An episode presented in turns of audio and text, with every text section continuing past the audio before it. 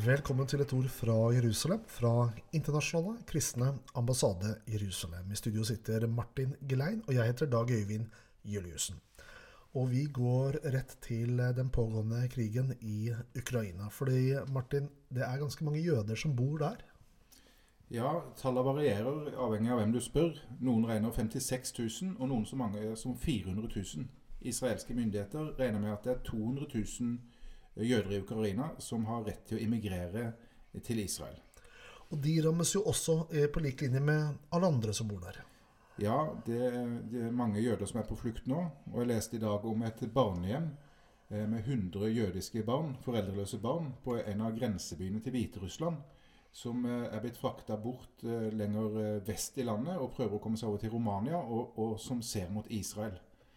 Og det her er barn som har opplevd krig før. Og, og, som lever med frykt for hva som skal skje med, med familie og venner. Mm. Vi tror jo på at vi skal være med og be for alle som er berørt i dette, denne krigen, og at vi skal gjøre det hva vi kan for å hjelpe alle mennesker i, i denne krigen. Ja, noen har anklaga IKAI for, eller stilt spørsmålstegn ved at vi hjelper jøder ut, ut av Ukraina. Og vi er veldig glad for at det er veldig mange organisasjoner og veldig mange nasjoner som hjelper veldig mange. Men nå er det sånn at det er vårt kall og vårt mandat. Men jeg leste nylig om at israelske myndigheter har hjulpet syriske, og libanesiske og egyptiske statsborgere ut av landet. Så det er klart vi, vi skal hjelpe alle som vi kan. Nettopp. Vi i den kristne ambassaden vi har fått henvendelse fra Jewish Agency, som er en halvstatlig israelsk organisasjon som arbeider med både evakuering når det er nødvendig, men også immigrasjon for jøder fra ulike land i verden tilbake til Israel. Både avreiseprosessen, reisen og også integrering i Israel er Jewish Agency. Og sånn sett så er den kristne ambassaden tett på den organisasjonen har vært i mange år. Og vi er gjennom å drive med fundraising og samle inn penger globalt med i dette arbeidet. Ja, det er vi takknemlige for. Og nå konkret så ber Jewish Agency IKAI om å bidra på, eh, med tre forskjellige faser for de jødiske Ukraina, jødene i Ukraina som ønsker å flykte ut fra landet. Og Det første er selve flykt, flukten ut, med, med, busser og transport eh, og overnatting. Og det, eh, Den andre fasen er jo redningsflygningene, med selve fly, flyturen til Israel. Og når de kommer til Israel, så trenger de nødboliger og hjelp til, til daglig opphold. Og omsorg og, og, eventuelt profesjonell hjelp i forhold til traumer. Mm. Så det er tre faser vi er blitt bedt om å, å, å hjelpe til med. Ja, så akkurat nå så er det kristne over hele verden som, som er med og bidrar inn for at dette skal kunne skje. Og vi kommer jo ikke utenom det faktum at når slike ting som vi er vitne til nå finner sted, så gjør det også at den jødiske befolkningen i området eh, ønsker å eller, eller, er på flukt. Og da blir, har Israel blitt en trygg havn for det jødiske folket. Eh, internasjonale kristne ambassade i Jerusalem har vært delaktig i mange år med å hjelpe jøder tilbake til Israel. Eh, på 80-tallet så var IKAI i samarbeid engasjert med det som heter Exobus, som eh, 80-tallet og tidlig 90-tallet var med å hjelpe 35 000 jøder ut av Ukraina og til Israel. Senere så var den sveitsiske avdelingen av IKAI engasjert i et prosjekt som hentet jøder, 7000 jøder ut fra Vest-Ukraina med faktisk konvoier av varebiler. Og dette var da jøder da som kom tilbake til Israel. Og siden 2014 og den konflikten som da var i Ukraina, så har IKA hjulpet 2000 jøder tilbake til Israel. Og dette her er jo primært for å hjelpe mennesker som er i nød. Men det er også en side av det her at Guds ord sier at han skal hente dem.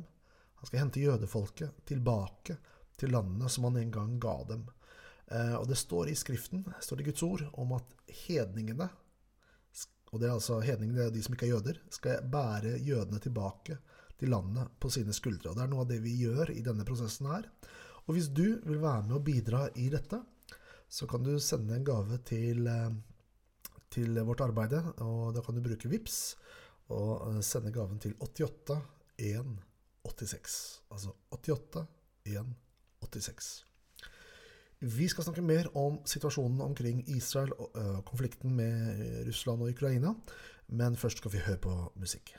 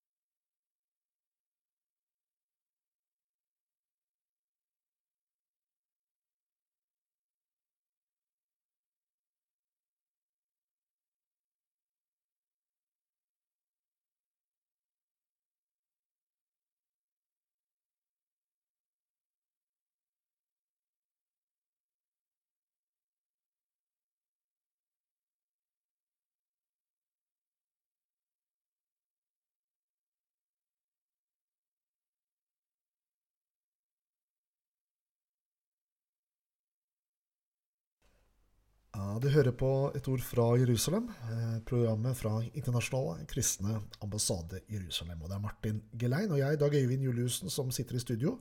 Og temaet i dag knyttet opp mot Israel, det er også hva som skjer i Ukraina. Israel ligger jo på en måte et godt stykke fra krigsmarken i Ukraina, Russland. Likevel så er de nært fordi Russland er jo til stede i Syria med et ganske sterkt militært nærvær, med ulike baser og havnen i Middelhavet der. Og Syria grenser jo opp til Israel.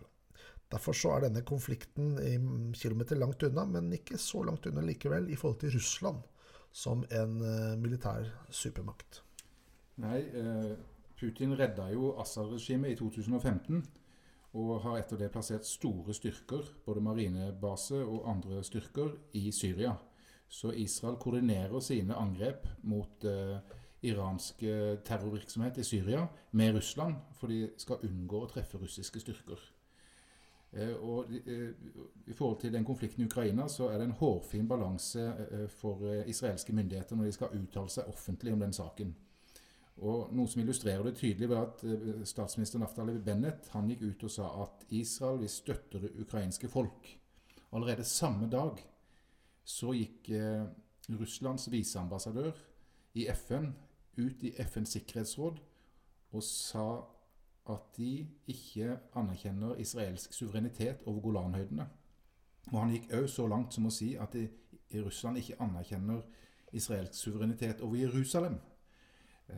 Så det viser hvor, hvor, hvordan dette spillet er veldig sensitivt for Israel. For de er avhengige av å ha et ålreit forhold til Russland, fordi Russland er så nærme Israels grenser. Ja, de er sterkt til stede i Midtøsten. og I tillegg så er det både i Ukraina og i Russland et betydelig antall eh, jøder som bor. Men Israel har også blitt lansert i forhold til mekling mellom partene her. Ja, både Ukrainas ambassadør i Israel og, og, og, Ukrainas president har foreslått Israel som mekler mellom partene. Og Det er fordi at Israel er et av få eh, demokratier i verden som har et godt forhold både til Russland og Ukraina.